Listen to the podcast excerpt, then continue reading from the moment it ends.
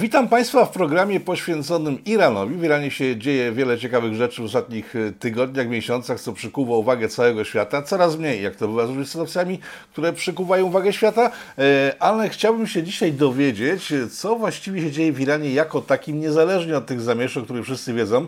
E, I w związku z tym spotykamy się dzisiaj z ekspertem od Iranu i nie tylko Iranu, ale także całej okolicy, czyli Syrii, Palestyny i innych krajów Lewantów, z Tomaszem Rydelkiem. Witam Pana Tomasza Tomaszu bardzo serdecznie. Dzień dobry, dziękuję bardzo za zaproszenie. E, układ sił to jest Pana wyjściowa, w, w, jeżeli chodzi o publikację w, w platformach. E, znaczy w Układzie Sił e, prowadzę taką, można powiedzieć, kolumnę bliskowschodnią, natomiast jakby takim wyjściowym moim, moją platformą jest po prostu mój blog Puls Lewantu. Okej, okay, który polecamy, link w opisie w programu. Zacznijmy w takim razie rozmowę o Iranie. Jaka jest sytuacja Iranu? Jak Iran wygląda? Czy to jest e, tak, jak e, wiele osób e, kojarzy Iran z mediów, to jest państwo upadłe, które nie posiada żadnych sfer naukowych, politycznie wyizolowane. Na ulicach non-stop policja strzela do ludzi, którzy są przeciwko reżimowi, reżim jest krwawy. No generalnie Iran to jest jakieś państwo, którego nie warto jechać, bo jest tam niebezpiecznie, nic ciekawego tam nie znajdziemy. Jak faktycznie wygląda współczesny Iran? Współczesny Iran, może zacznijmy od tego, że współczesny Iran od 40 ponad lat jest tą właśnie islamską e, republiką. E, I oczywiście protesty takie jak teraz zdarzają się, jednak to ma taki powiedzmy charakter e, falowy, tak, że dochodzi taka powiedzmy troszeczkę to jest sinusoida, że dochodzi do protestów, one są potem tłumione i sytuacja jest w miarę stabilna. Generalnie mimo właśnie bardzo dużych problemów, bo Iran od czasów islamskiej rewolucji tak naprawdę on częściej był pod sankcjami niż nie. E, więc e, mimo tej ciężkiej sytuacji gospodarczej, jednak ta władza ajatollahów e, trzyma się dość mocno, no a sytuacja w kraju jest w miarę stabilna.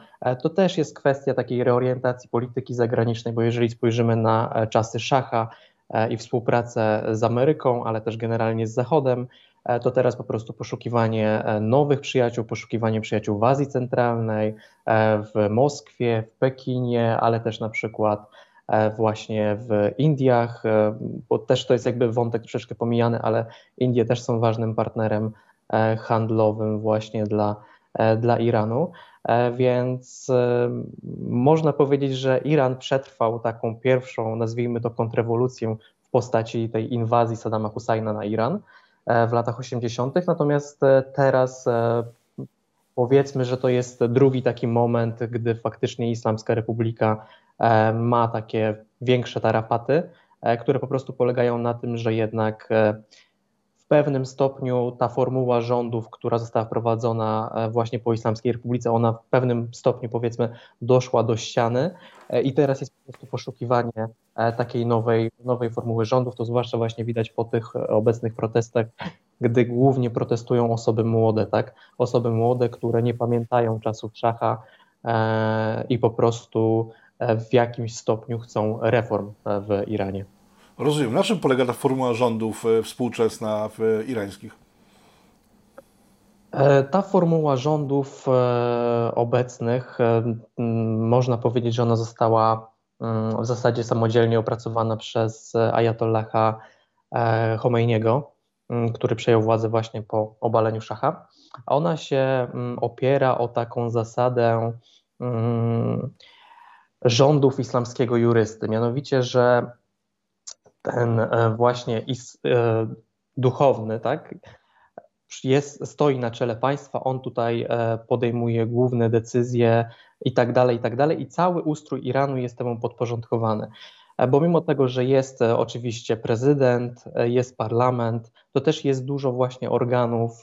One są co prawda kolegialne, ale no, najwyższy przywódca, obecnie Ayatollah Ali Khamenei, ma jednak taki wpływ na te organy kolegialne, że tak naprawdę jest w stanie całkowicie podporządkować sobie politykę wewnętrzną Iranu. Spójrzmy właśnie tutaj mówię, że jest e, wybierany prezydent, jest wybierany parlament, ale jest też Rada Strażników, e, którą obsadza właśnie e, Ayatollah Ali Khamenei i to Rada Strażników na przykład wetuje kandydatów w wyborach parlamentarnych i w wyborach prezydenckich. Więc no tak naprawdę tutaj, jeżeli chodzi o ten ustrój, to on jest całkowicie podporządkowany albo w sposób formalny, albo właśnie przez taki wpływ autorytetu najwyższego przywódcy Iranu, właśnie tej takiej teokracji. E, natomiast e, jakby ta władza islamskiego jurysty to nie jest też tak, że to jest tylko charakterystyczne dla Iranu, bo coś podobnego mamy e, na przykład w Iraku, w sensie w, w seminarium w Najafie. Tam jest taki ayatollah Ali, Ali Sistani, on z pochodzenia jest w ogóle Irańczykiem, natomiast on jest takim duchowym przywódcą irackich szyitów i on na przykład tę władzę islamskiego jurysty interpretuje w zupełnie inny sposób, mianowicie w taki, E, że mm, osoby duchowne powinny tylko w określonych sytuacjach angażować się e, w politykę. E, I na przykład on osobiście, Sistani, angażuje się wtedy, na przykład, gdy są jakieś duże protesty, i wtedy wzywa na przykład do deeskalacji. Ale tak generalnie zupełnie to jest inaczej interpretowane niż, niż w Iraku.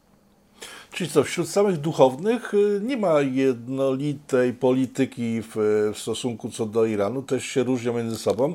E, można to przyjąć za pewną formę opozycji, czy można tak zaryzykować takie stwierdzenie, że Iran jest w jakiś sposób e, otwarty na różne sposoby myślenia o ich państwie? E, ja bym powiedział, że tak, że mimo wszystko, że jest powiedzmy ten ustrój e, teokratyczny, że tutaj jest taki jednak e, duży wentyl bezpieczeństwa, zwłaszcza to było widać jak prezydentem był e, Hassan Rouhani, to są lata 2013-2021, gdy jest właśnie porozumienie nuklearne z Ameryką, jest zniesienie sankcji. Generalnie ustrój ten irański jest powiedzmy, jest taki wentyl bezpieczeństwa i faktycznie mm, irańska polityka jest pragmatyczna i dopuszcza możliwość objęcia władzy przez kandydatów, może, może nie liberalnych, ale bardziej takich pragmatycznych, tak jak właśnie prezydent e, Rohani i Wtedy też, gdy prezydent objął władzę, właśnie prezydent Rohani, e, to też e, Ayatollah Ali Khamenei, mimo tego, że był sceptyczny co do rozmów z Ameryką właśnie prezydenta Obamy, no to jednak ostatecznie zaakceptował te rozmowy. Tak, mieliśmy porozumienie nuklearne, które oczywiście no, nie wytrzymało próby czasu, no bo upadło w czasach e, prezydenta e, Trumpa, e, ale generalnie można powiedzieć, że jakiś pluralizm, co prawda on nie jest taki jak w krajach zachodnich, tak? Powiedzmy sobie szczerze, no ale jednak pewien pluralizm w tym ustroju autokratycznym w Iranie jednak jest. Jaką rolę tam armia odgrywa? Bo w takich, w takich krajach na ogół armia ma dość silną pozycję. W przypadku Iranu też tak jest. Armia jest niezależna na ile może w stosunku do władz duchownych, czy, czy też podlega im całkowicie? Jak wygląda sytuacja armii e, w Iranie? Tutaj tak naprawdę mamy, powiedzmy e, sobie szczerze, taki e, dualizm, bo z jednej strony mamy tę taką armię regularną, natomiast z drugiej strony mamy Korpus Strażników Rewolucji Islamskiej.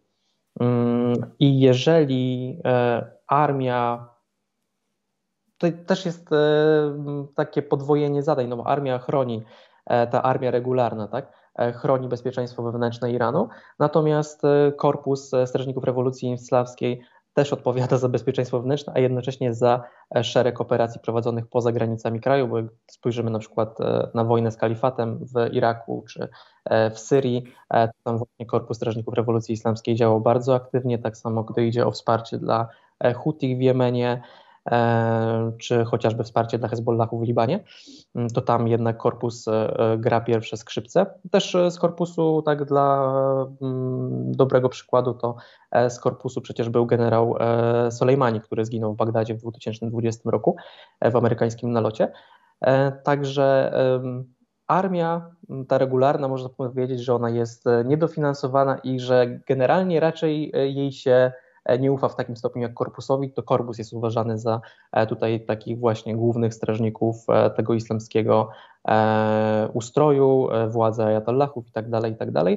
Tak też widać to wobec, podczas obecnych protestów, gdzie mm, no, głównie właśnie mm, protesty są tłumione przez Korpus Strażników Rewolucji, E, islamskiej, przy czym nie przez regularne oddziały korpusu, bo korpus też ma różne formacje, e, a przez właśnie e, członków Basidżu, czyli Związku Mobilizacji Uciemiężonych. To jest taka, można powiedzieć, organizacja paramilitarna, która właśnie jest taką pierwszą, walczy po prostu na pierwszej linii, tak?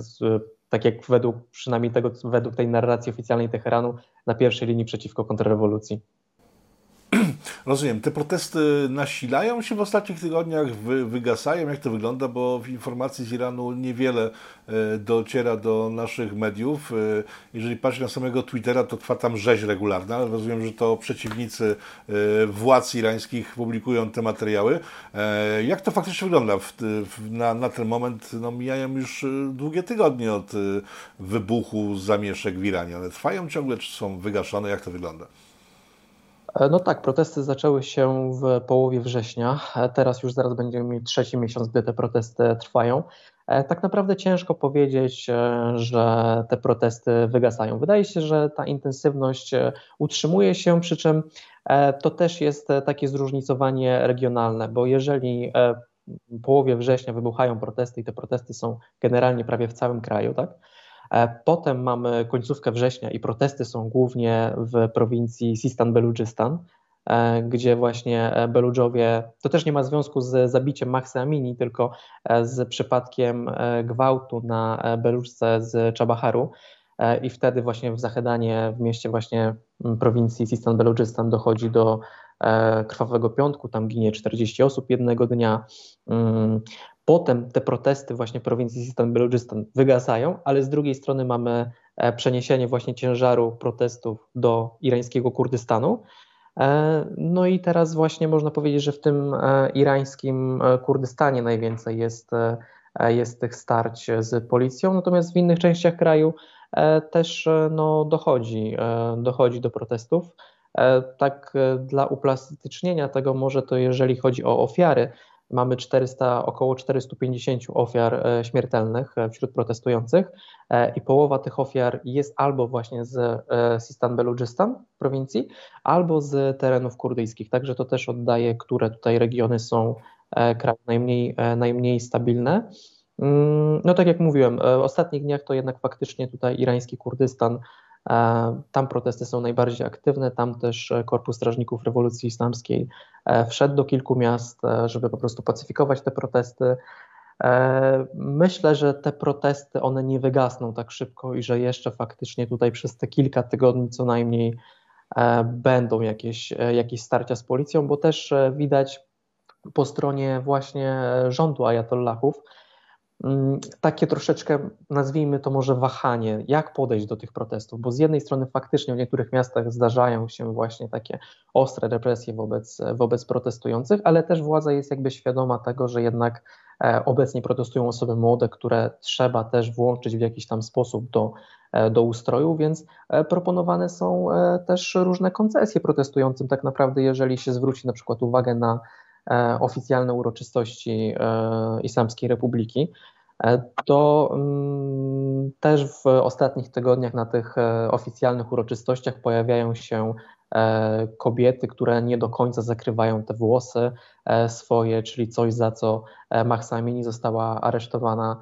Mm, więc pod tym względem pod względem powiedzmy interpretacji prawa, tak, że e, niekoniecznie e, władze będą egzekwować właśnie ściśle te wszystkie e, przepisy obyczajowe wobec Iranek, to władza tutaj Ayatollahów jest w stanie na, na ustępstwa, jeżeli chodzi o egzekwowanie, natomiast raczej nie jest w stanie iść na ustępstwa, jeżeli powiedzmy idzie o jakąś wprost zmianę przepisów, tak, i po prostu zniesienie hijabu. E, więc to się akurat wydaje, e, wydaje wykluczone, no z tego względu, że to po prostu automatycznie by podkopało autorytet e, Islamskiej Republiki i stworzyło takie wrażenie, że Islamska Republika idzie na bardzo, bardzo duże ustępstwa, które zagrażają po prostu trwałości tego reżimu. Mhm. Czy śmieszne dziewczyny z, z września i hijaby to ciągle jest temat tych protestów, czy to był tylko pretekst do ich wybuchu, a teraz protesty w, mają całkiem inny charakter? Jak, jak to wygląda? Myślę, że to był, e, że to był pretekst. E, to był e, też taki powód, dlaczego na przykład właśnie media zachodnie, tutaj jakby nie krytykując mediów, ale to też był taki właśnie powód, dlaczego media tak się mocno tym zainteresowały, no bo jednak chodziło w tej początkowej właśnie fazie głównie o prawa kobiet, tak, głównie to było właśnie palenie hijabów, odsłanianie włosów i tak dalej, i tak dalej. Natomiast samo podłoże tych protestów to tak naprawdę jest właśnie to zmęczenie obecną władzą, obecnym właśnie systemem rządów który miał zapewnić i równość wszystkim, i taką sprawiedliwą redystrybucję dóbr w państwie. No a jednak widać, że to nie do końca, nie do końca tak działa. Iran jest też wykluczony ze społeczności tak naprawdę międzynarodowej, e, objęty sankcjami ostrymi. Sytuacja gospodarcza w kraju no, regularnie od tego 2018 roku, gdy e, prezydent Trump wycofał się e, z porozumienia nuklearnego, pogarsza się, więc tak naprawdę tutaj złożyło się bardzo dużo czynników, natomiast powiedzmy, że takim punktem zapalnym była właśnie sprawa Mahsa Amini i właśnie hijab. Jeżeli w tym temacie jesteśmy, jak wygląda sytuacja kobiet w Iranie? Bo pewnie część duża opinii publicznej widzi Iran jako takie ISIS do kwadratu, e, czyli kobiety są mordowane, gwałcone, nie mają żadnych praw, nie mogą się uczyć. To jest taki obraz islamu, e, który, który myślę jest e, no, ogólnie przy, przyjęty. Tymczasem Iran chyba nie jest aż tak radykalny, jak to było w, do zobaczenia w państwie islamskim. E, nie no, zdecydowanie tutaj akurat do państwa islamskiego to tej sytuacji kobiet e, w Iranie nie możemy, nie możemy porównać. No biorąc e, pod uwagę takie standardy bliskowschodnie, no to jednak kobiety w Iranie mają, mają całkiem dużo praw. No to też jest właśnie kwestia tego, z jakiej perspektywy to oceniamy, bo jeżeli byśmy spytali Irańczyków, jak oni oceniają sytuację kobiet w swoim kraju, to by powiedzieli, że no przecież tutaj kobiety mają zagwarantowane dużo więcej praw niż na przykład w Arabii Saudyjskiej, tak? E, natomiast no, z perspektywy e, człowieka zachodu, jeżeli spojrzymy właśnie no, chociażby na ten hijab, e, że kobietom jest, kobiety są zobowiązywane prawnie do jakiegoś ubioru, no to z perspektywy człowieka zachodu to się oczywiście wydaje czymś po prostu no, dziwnym co najmniej, tak? Ale jeżeli chodzi o takie porównania do, do państwa islamskiego, to, to nie, zdecydowanie, zdecydowanie nie. Okej, okay. wspomniałem o możliwości nauki przez kobiety, bo to jest, to jest taki element, który e, no, pokazuje na, na, na, to, czy dany kraj islamski jest liberalny, czy nie. Więc przejdźmy do edukacji. Jak wygląda system, system edukacji w, w Iranie? Czy to jest E, system, który, nie wiem, produkuje prole masowo, czy też, czy też e, specjalistów. Jeżeli spojrzymy na główny problem, jaki e, Zachód ma z Iranem, czyli program nuklearny, no wygląda na to, że szkolnictwo jest na wysokim poziomie, skoro potrafią budować rzeczy dostępne, których nawet my Polacy nie potrafimy sami skonstruować. Jak, jak wygląda system szkolnictwa w Iranie? E, ja bym powiedział, że tutaj właśnie trzeba wyróżnić e, dwie kwestie. To jest naukę na, na uczelniach właśnie e, tych humanistycznych tak? i na uczelniach technicznych. No, na uczelniach humanistycznych ten poziom jest powiedzmy taki dość średni, no bo też jest kwestia tego, że jednak w ustroju, gdzie który chociażby w nazwie tak się nazywa Islamską Republiką, to ta swoboda tutaj działalności akademickiej będzie ograniczona. Natomiast inną kwestią jest właśnie e, są te um, uczelnie techniczne, tak? bo tam faktycznie Iran e, ma duże sukcesy. Mm, można powiedzieć, że to jest taka topka regionalna i też na świecie wydaje mi się, że oni mimo tego, że mają, no, nie mają takich nakładów finansowych, tak jak państwa zachodnie, to jednak tutaj nie mają się czego wstydzić. Dostęp mają też mm, do takich e, osiągnięć technicznych, e, czy Rosjan, e, czy Chińczyków, to też, to też dużo ułatwia w działalności. I tutaj już przechodząc właśnie na taki grunt praktyczny, który też najłatwiej pozwala sobie uzmysłowić, jak wygląda ta sytuacja, to trzeba pamiętać o tym, że Iran naprawdę dokonał bardzo dużych postępów, właśnie jeżeli chodzi o rakiety balistyczne. Ten E, program irański rakiet balistycznych jest bardzo zaawansowany, mimo tego, że tak naprawdę Irańczycy startowali z no, niskiego pułapu, bo rakiety balistyczne, którymi e, Iran dysponuje, to często są E, jakieś e, konstrukcje stare radzieckie, które potem były dostosowywane do tych możliwości po prostu produkcji w Iranie, no bo Iran jest objęty sankcjami, więc wiadomo, że części komponentów nie można było ściągnąć z zachodu, e, ale mimo wszystko ten program rakiet balistycznych poszedł bardzo daleko. Mieliśmy przykład, gdy Amerykanie zabili generała Soleimaniego, potem Irańczycy atakują rakietami balistycznymi bazę Al-Assad w Iraku i okazuje się, że te rakiety są E, bardzo celne, co Amerykanie byli bardzo zdziwieni, mimo tego, że w poprzednich latach zdarzały się na przykład ataki rakietami balistycznymi konstrukcji podobnej jak irańska ze strony Hutich na saudyjskie instalacje naftowe, no to jednak ten atak na bazę Al-Assad był takim szokiem dla Amerykanów.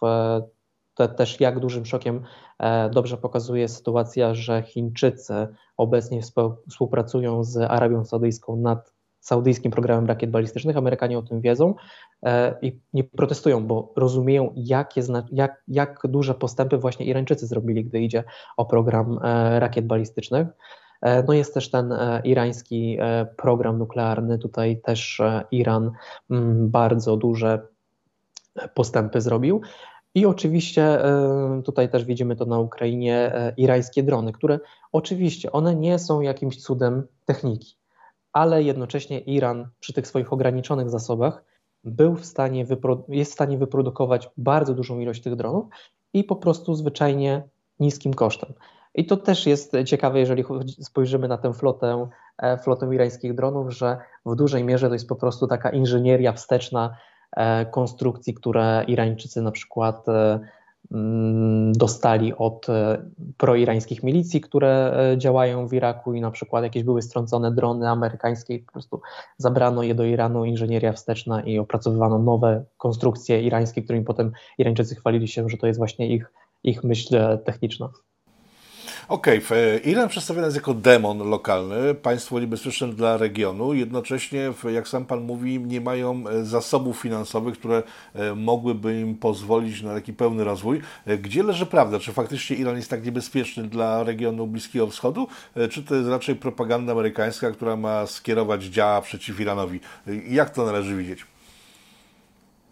Wydaje mi się, że też trzeba sobie uświadomić, dlaczego Iran e, prowadzi e, taką, a nie inną politykę zagraniczną, bo sam Iran uważa się za państwo zagrożone. On uważa, że cały czas e, zagraża mu Izrael, zagraża mu Arabia Saudyjska, zagrażają mu Amerykanie. Więc też jakby to jest powiedzmy taka strategia wysuniętej obrony. Dlatego na przykład Iran eksportuje tą swoją islamską rewolucję do Iraku, do Syrii, do Libanu, bo po prostu tworzy takie przedmurze w sytuacji, gdy na przykład wybuchnie jakiś konflikt regionalny, tak, e, to e, bardziej Iran będzie chciał właśnie, żeby, żeby to była jakaś wojna proxy, na przykład w Iraku, w Syrii czy w Libanie, a nie, nie żeby to była inwazja na przykład amerykańska na Iran. Więc generalnie e, właśnie tak jak mówię, to jest podstawowy powód, dlaczego Iran prowadzi taką, a nie inną politykę zagraniczną. E, przy czym i od razu trzeba właśnie przejść do tego, czy faktycznie Iran jest taki groźny. No jest groźny, bo Iran bardzo e, dobry sposób wykorzystuje całą taką, można powiedzieć, próżnię polityczną. Gdy spojrzymy na przykład na sytuację Iraku, bo to też dobrze obrazuje irańską politykę zagraniczną, Iran bardzo mocno uważał Saddama Husajna za jednego ze swoich e, głównych wrogów. Też było widać w latach 80., gdy toczyła się wojna, e, wojna z Irakiem. Ostatecznie ta wojna skończyła się, można powiedzieć, takim, tak na, takim no w sumie patem, tak? no bo z jednej strony Saddam Hussein nie został obalony, ale z drugiej strony też ta władza Ayatollahów e, przetrwała w Iranie.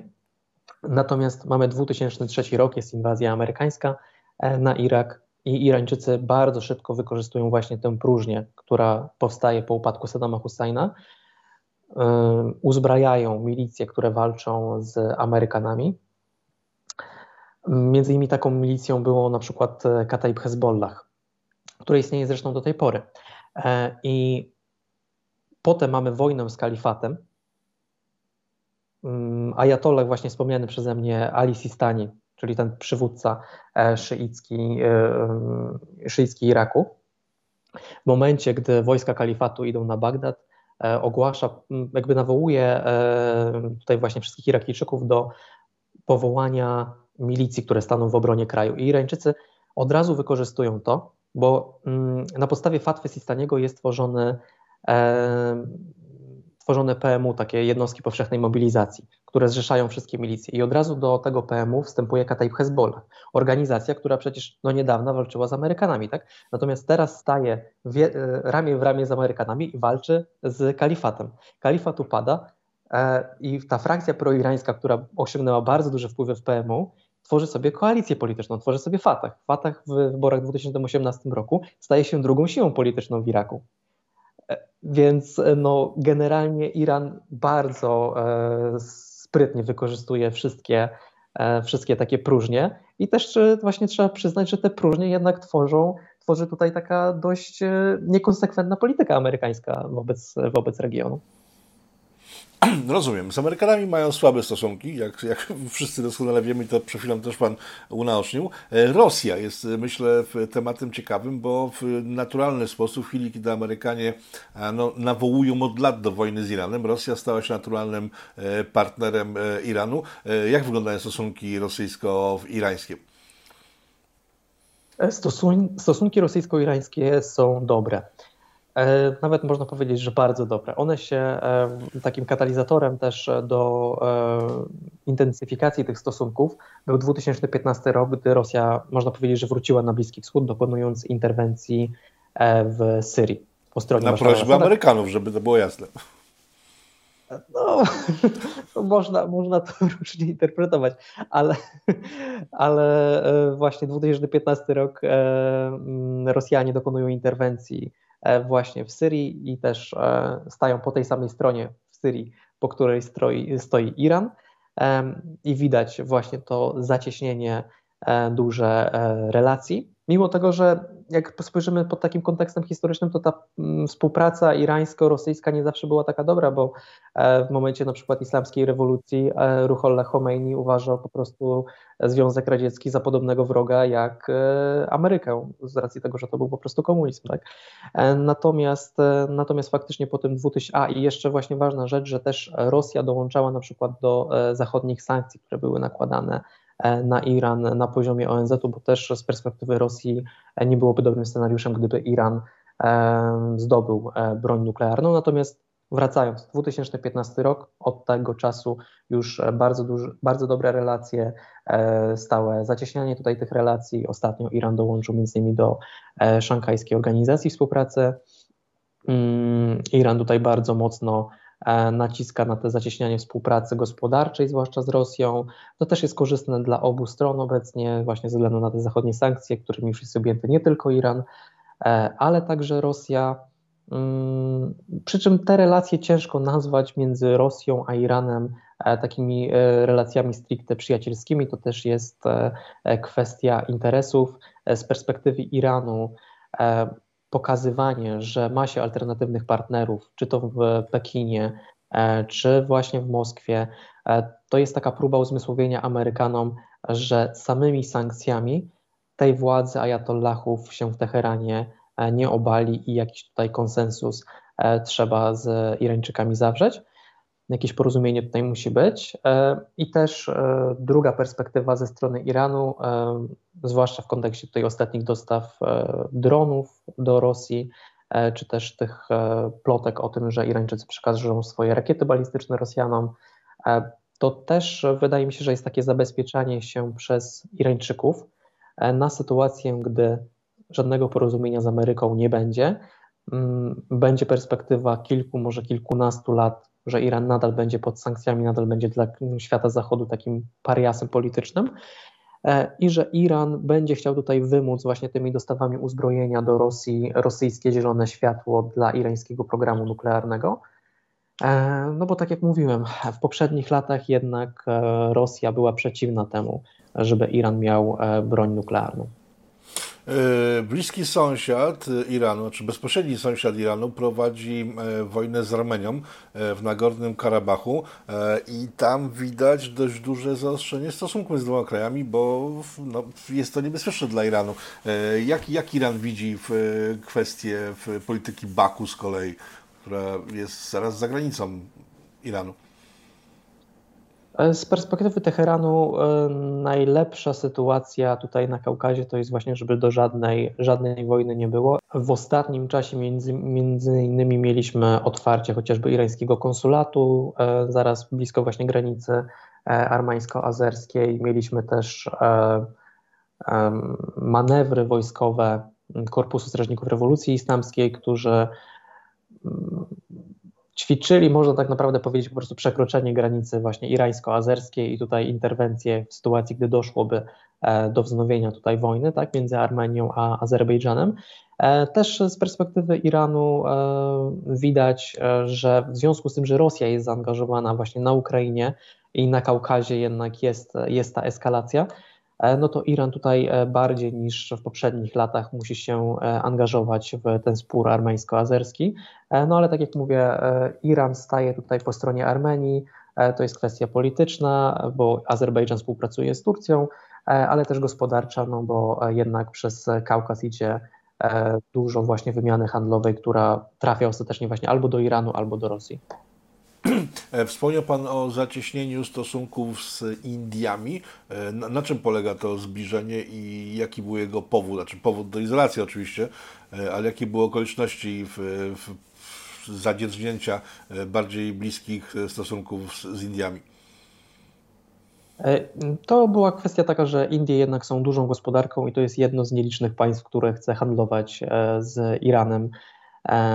A poza tym też jakby kwestia położenia, bo Irańczy, Indie od, jeżeli się nie mylę, 2002 roku budują, budują port w Czabaharze w Iranie, E, który docelowo miałby właśnie połączyć Indie z rynkami e, Azji Centralnej. E, zwłaszcza ten projekt nabrał dużego, dużego tempa jeszcze przed mm, przejęciem władzy w Afganistanie przez talibów, no bo docelowo właśnie linia kolejowa, która szła z Czabaharu, miała właśnie trafiać, trafiać do Afganistanu, potem iść jeszcze dalej na północ.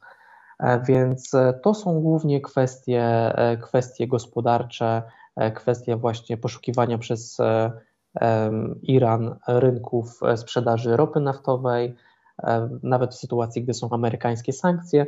Natomiast z, perspektywy Indii to jest właśnie poszukiwanie partnerów handlowych, poszukiwanie właśnie jakiejś drogi do, do Azji Centralnej i też poszukiwanie może jakiegoś partnera politycznego, aczkolwiek tutaj, tutaj sytuacja bym powiedział, że ciężka, no bo z jednej strony Indie są utożsamiane jako właśnie ten sojusznik e, Stanów Zjednoczonych, natomiast no Iran, no wiadomo jak, jakie miejsce zajmuje na arenie międzynarodowej.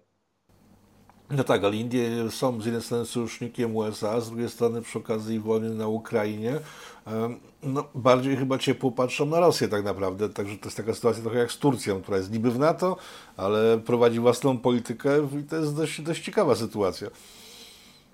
Tak, dokładnie. To jest, można powiedzieć, takie właśnie e, siedzenie na płocie, e, które no, jest charakterystyczne też dla regionu, no bo tutaj Pan wspomniał oczywiście Turcja i Indie, ale też chociażby na przykład właśnie te kraje, kraje arabskie, gdzie na przykład Arabia Saudyjska i Zjednoczone Emiraty Arabskie, e, no też e, jeżeli chodzi o wojnę na Ukrainie, wykazują takie dość e, niejednoznaczne, nie, prowadzą niejednoznaczną po prostu politykę zagraniczną, bo z jednej strony Amerykanie naciskają na Saudów, żeby oni zwiększyli produkcję ropy naftowej, oni zmniejszają teraz e, też w związku z tym, że ceny ropy naftowej spadają, a zbliża się zaraz kolejny szczyt i to OPEC, bo Arabia Saudyjska współpracuje oczywiście z Rosją na, na tych rynkach e, naftowych.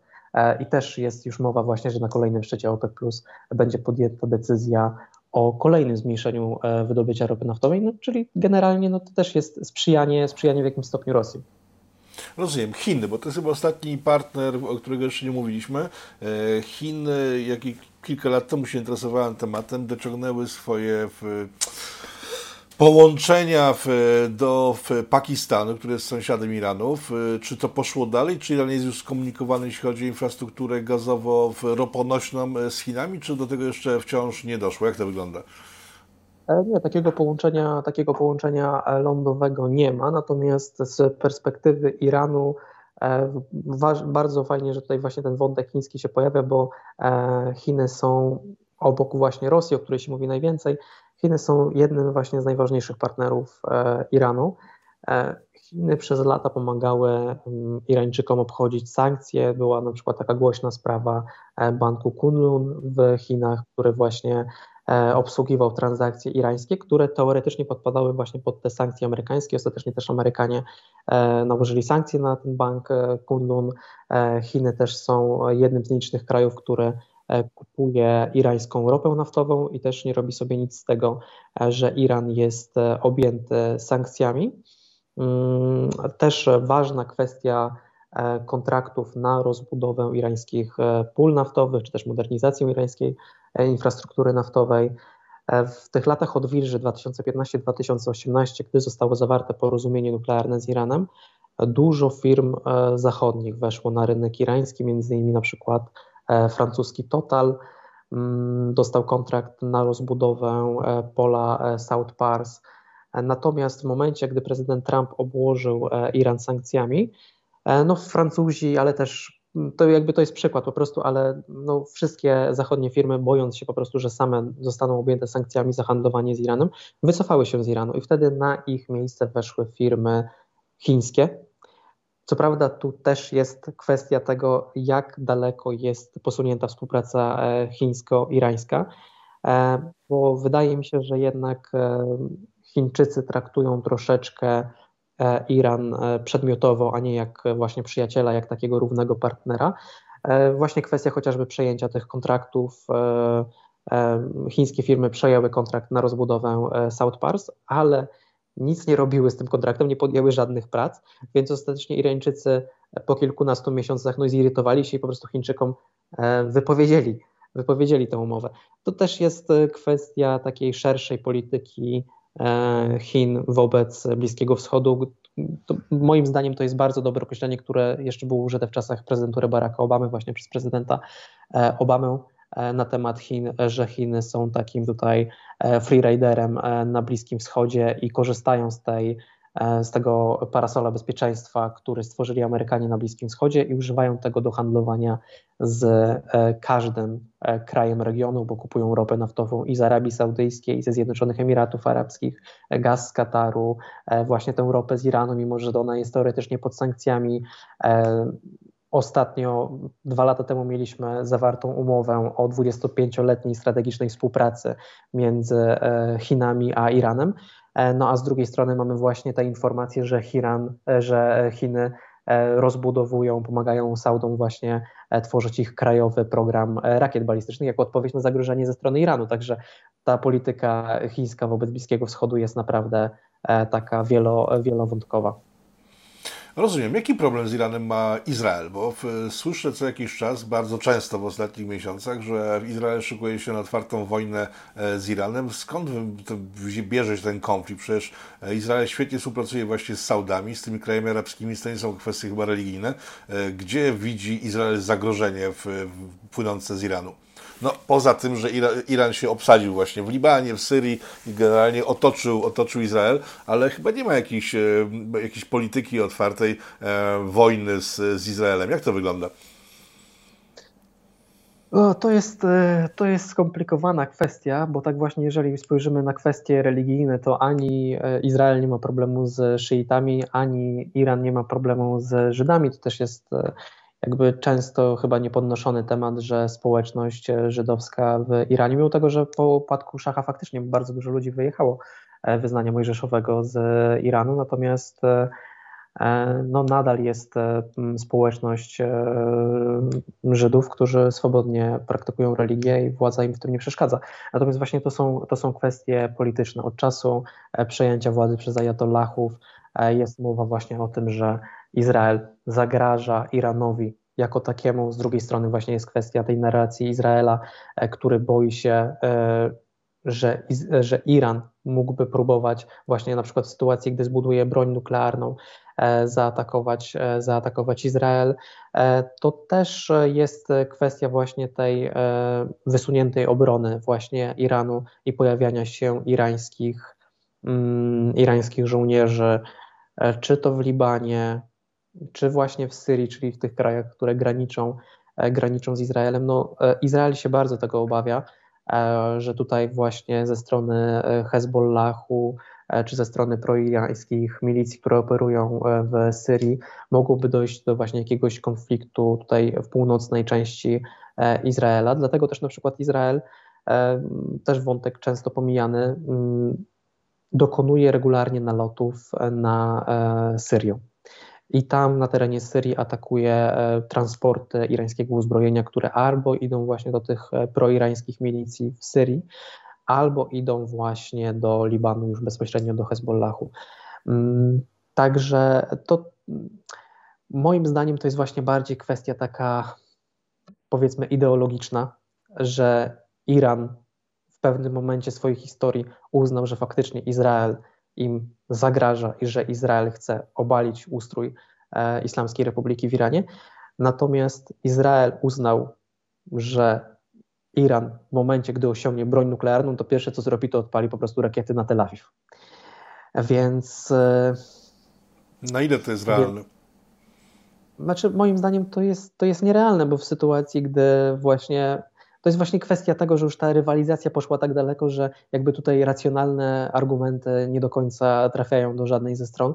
No bo w sytuacji, gdy powiedzmy, że Iran odpala y, głowice nuklearne w, w kierunku Izraela, no to mamy od razu y, reakcję ze strony Amerykanów, tak? I irańskie rakiety spadają, y, spadają na Iran. Więc no generalnie ta wojna, nawet te naloty, kwestia nalotów właśnie izraelskich na Iran jest, to jest mało prawdopodobna rzecz.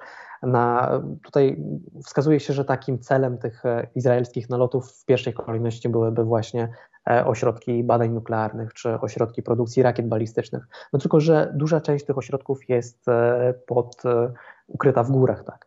Iranu i problem no, z ich zbombardowaniem no, jest, jest ogromny. Nawet jeżeli kiedyś były takie nieoficjalne szacunki, że nawet w sytuacji, gdy Izrael by zdecydował się na naloty na Iran, to jest mało prawdopodobne, że nawet połowę e, by tych e, ośrodków irańskich e, zniszczył. A, no a generalnie konflikt od razu by przerodził się w konflikt taki właśnie szerszy, tak nie tylko Izrael-Iran, ale konflikt w całym regionie, bo zaraz po stronie Iranu stanąłby Hezbollah, proirańskie milicje w Iraku i w Syrii, też Huti w Jemenie, więc wojna regionalna bez jakiejś e, możliwości, możliwości zwycięstwa, czy z jednej, czy z drugiej strony. Rozumiem. Wróćmy na koniec do kwestii tych zamieszek, które trwają ciągle w, w, Iranie. E, jaka jest szansa na to, że one wpłyną na dalszy rozwój państwa? Czy one będą miały wpływ na ewentualne zmiany ustrojowe, czy jest to tylko i wyłącznie chwilowa zadyma, która przycichnie e, i wszystko wróci do normy? E, protesty mogą mieć wpływ na kształtowanie się ustroju, przyszłości tego ustroju w Iranie. Natomiast wydaje mi się, że to jest też kwestia taka wypadkowa, że nie tylko protesty, ale też szersza właśnie sytuacja międzynarodowa, czyli e, tutaj e, głównie to zniesienie sankcji z, z Iranu i powrót porozumienia nuklearnego z USA. Mm, no i też kwestia właśnie tych perspektyw gospodarczych Iranu. Bo w ostatnich, czas, w ostatnich miesiącach faktycznie e, władze mm, były takie odczyty gospodarcze w Iranie, że być może faktycznie tutaj ta sytuacja gospodarcza e, się w jakimś stopniu e, stabilizuje.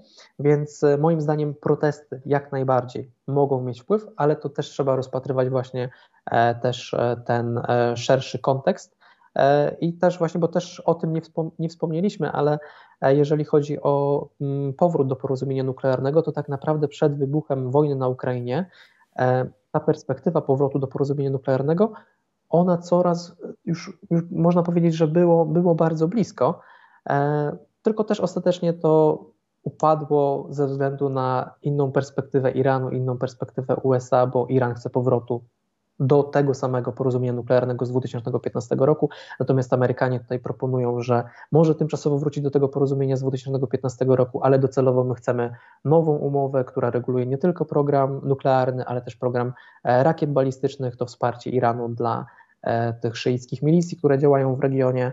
E, więc no, to, jest, to jest właśnie szersza szersza perspektywa międzynarodowa, też zobaczymy, kto będzie rządził w USA po kolejnych wyborach, bo w sytuacji na przykład, e, gdy wygrałby kandydat znowu republikanów, e, Joe Biden nie, nie miałby tej drugiej kadencji, e, to też można się spodziewać, że jednak sytuacja mm, międzynarodowa Iranu by pogorszyła się, znowu by było były większe naciski ze strony Stanów Zjednoczonych, a w związku z tym też ten ustrój irański by skręcał w kierunku bardziej konserwatywnym, e, bo to też było widać na przykład w ostatnich latach, gdy e, ta próba otworzenia się na Zachód, dogadania się z Zachodem podjęta przez prezydenta Rouhaniego z administracją e, Obamy upadła. Trump wypowiada JCPOA, to Ayatollah Ali Khamenei od razu uruchamia, można powiedzieć, konserwatystów. Konserwatyści wygrywają, utrudniana jest polityka prezydentowi Rohaniego. W efekcie pragmatycy, reformiści przegrywają wybory parlamentarne w 2020 roku i też potem przegrywają wybory prezydenckie i ostatecznie konserwatyści rządzą i w parlamencie i, i właśnie trzymają fotel prezydenta. Czyli paradoksalnie przyciskanie Iranu do podłoża powoduje, że on się jeszcze bardziej radykalizuje, a polityka mm, dogadania się z, z Iranem powoduje, że on się liberalizuje z kolei. E, jak to się dalej rozwinie, zobaczymy. E, dziękuję bardzo Panie Tomaszu. Pan Tomasz Rydelek, e, Puls Lewantu oraz Układ Sił był moim Państwa gościem. Serdecznie dziękuję za czas poświęcony politykom. Dziękuję bardzo za zaproszenie. Mam nadzieję, że dla widzów nie było to zbyt chaotyczne, ale po prostu ciężko jest mówić o tym regionie nie chaotycznie, bo sam region jest chaotyczny. Ja myślę, że się spotkamy jeszcze raz, żeby omówić w ogóle historię w ostatnich 50 lat Iranu, bo ona wiele wyjaśnia, bo na przykład ten program atomowy został stworzony przy udziale w Izraela, o czym mało kto wie. E, I tam jest parę jeszcze innych elementów, które jeżeli opiszemy je e, w, oso w osobnym rozdziale, wyjaśnią tę sytuację e, o wiele bardziej. Jeszcze raz bardzo dziękuję Panie Tomaszu i do zobaczenia w kolejnym programie. Dziękuję bardzo i do zobaczenia.